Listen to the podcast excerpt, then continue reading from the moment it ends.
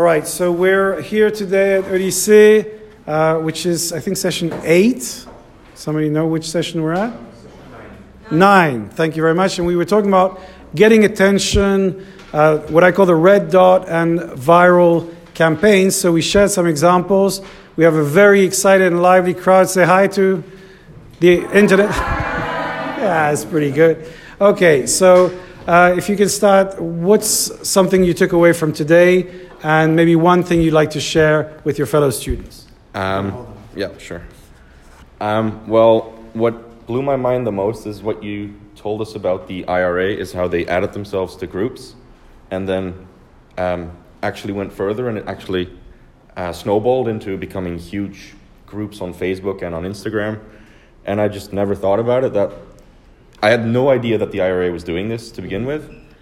Um, I knew about the anti-vax movement and all that. I had no idea it was actually manufactured like that. And if you think about it, it's actually quite genius to, well, in, in, a, in, a, in, a, in a dark way, it's quite genius. Yeah. But um, I don't know, taking a small group and then adding your voice to it and then actually claiming the group's identity as yours is actually well, it's dark, but it's, it's quite smart. Yeah. So, for our listeners, the IRA is the Internet Research Agency that basically uh, hacked into the US election and amplified anger. So, thank you very much. What about you? What was your takeaway from today? Um, I would say like the, that marketing campaigns really work if if people can participate in it, and I was really surprised about it. But if I look at it afterwards, it's very logic. If you look at every marketing campaign, uh, you can like the egg for example uh, in my feelings the song of drake like the kiki challenge to dance everyone could do the dance. And i think it's very yeah very smart thing and i will really remember that. Okay. Yeah. And interesting i think is that the memes and this new language is becoming more and more mainstream. So you're seeing brands and communities using that which is where the ira was doing it first really testing those memes weaponizing the memes and then using it. What about you Hello, my name is Sabrine. So, the thing that struck me the most today is when you said that information uh, is power, and power shapes perception, and perception obviously shapes the way you behave. And that's important, especially when you said that Facebook tends to make sure to send you uh, like messages that you would tend to agree with. So, you will never see like others' opinion about the subject. So, yeah, that's what I learned today. Okay. Thank you very much. And what about you? Mm, hello, my name is Rhea.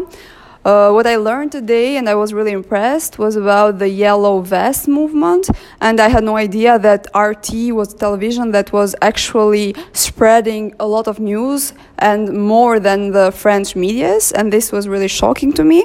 Uh, another element which I really, uh, it was new to me, it was a black swan uh, effect.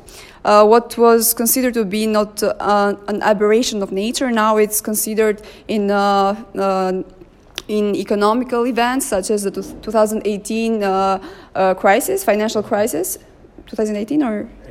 2008 financial crisis, and and also. and also the effect of the Twitter, the, the element that we use as a bird, because uh, it is used as an acceleration of uh, the information. And the last thing was the echo chamber effect. Uh, it was really interesting because um, it happens a lot when we are on Instagram or on Facebook that we find information that we actually have searched on. And I didn't know, I didn't make the uh, relation with the echo chamber effect, and now I, I know more about it. Excellent. So, Thank you very much. Very, very interesting points. And I, would encourage you when you're listening to something, pick up the stuff that you find the most interesting and share it this way.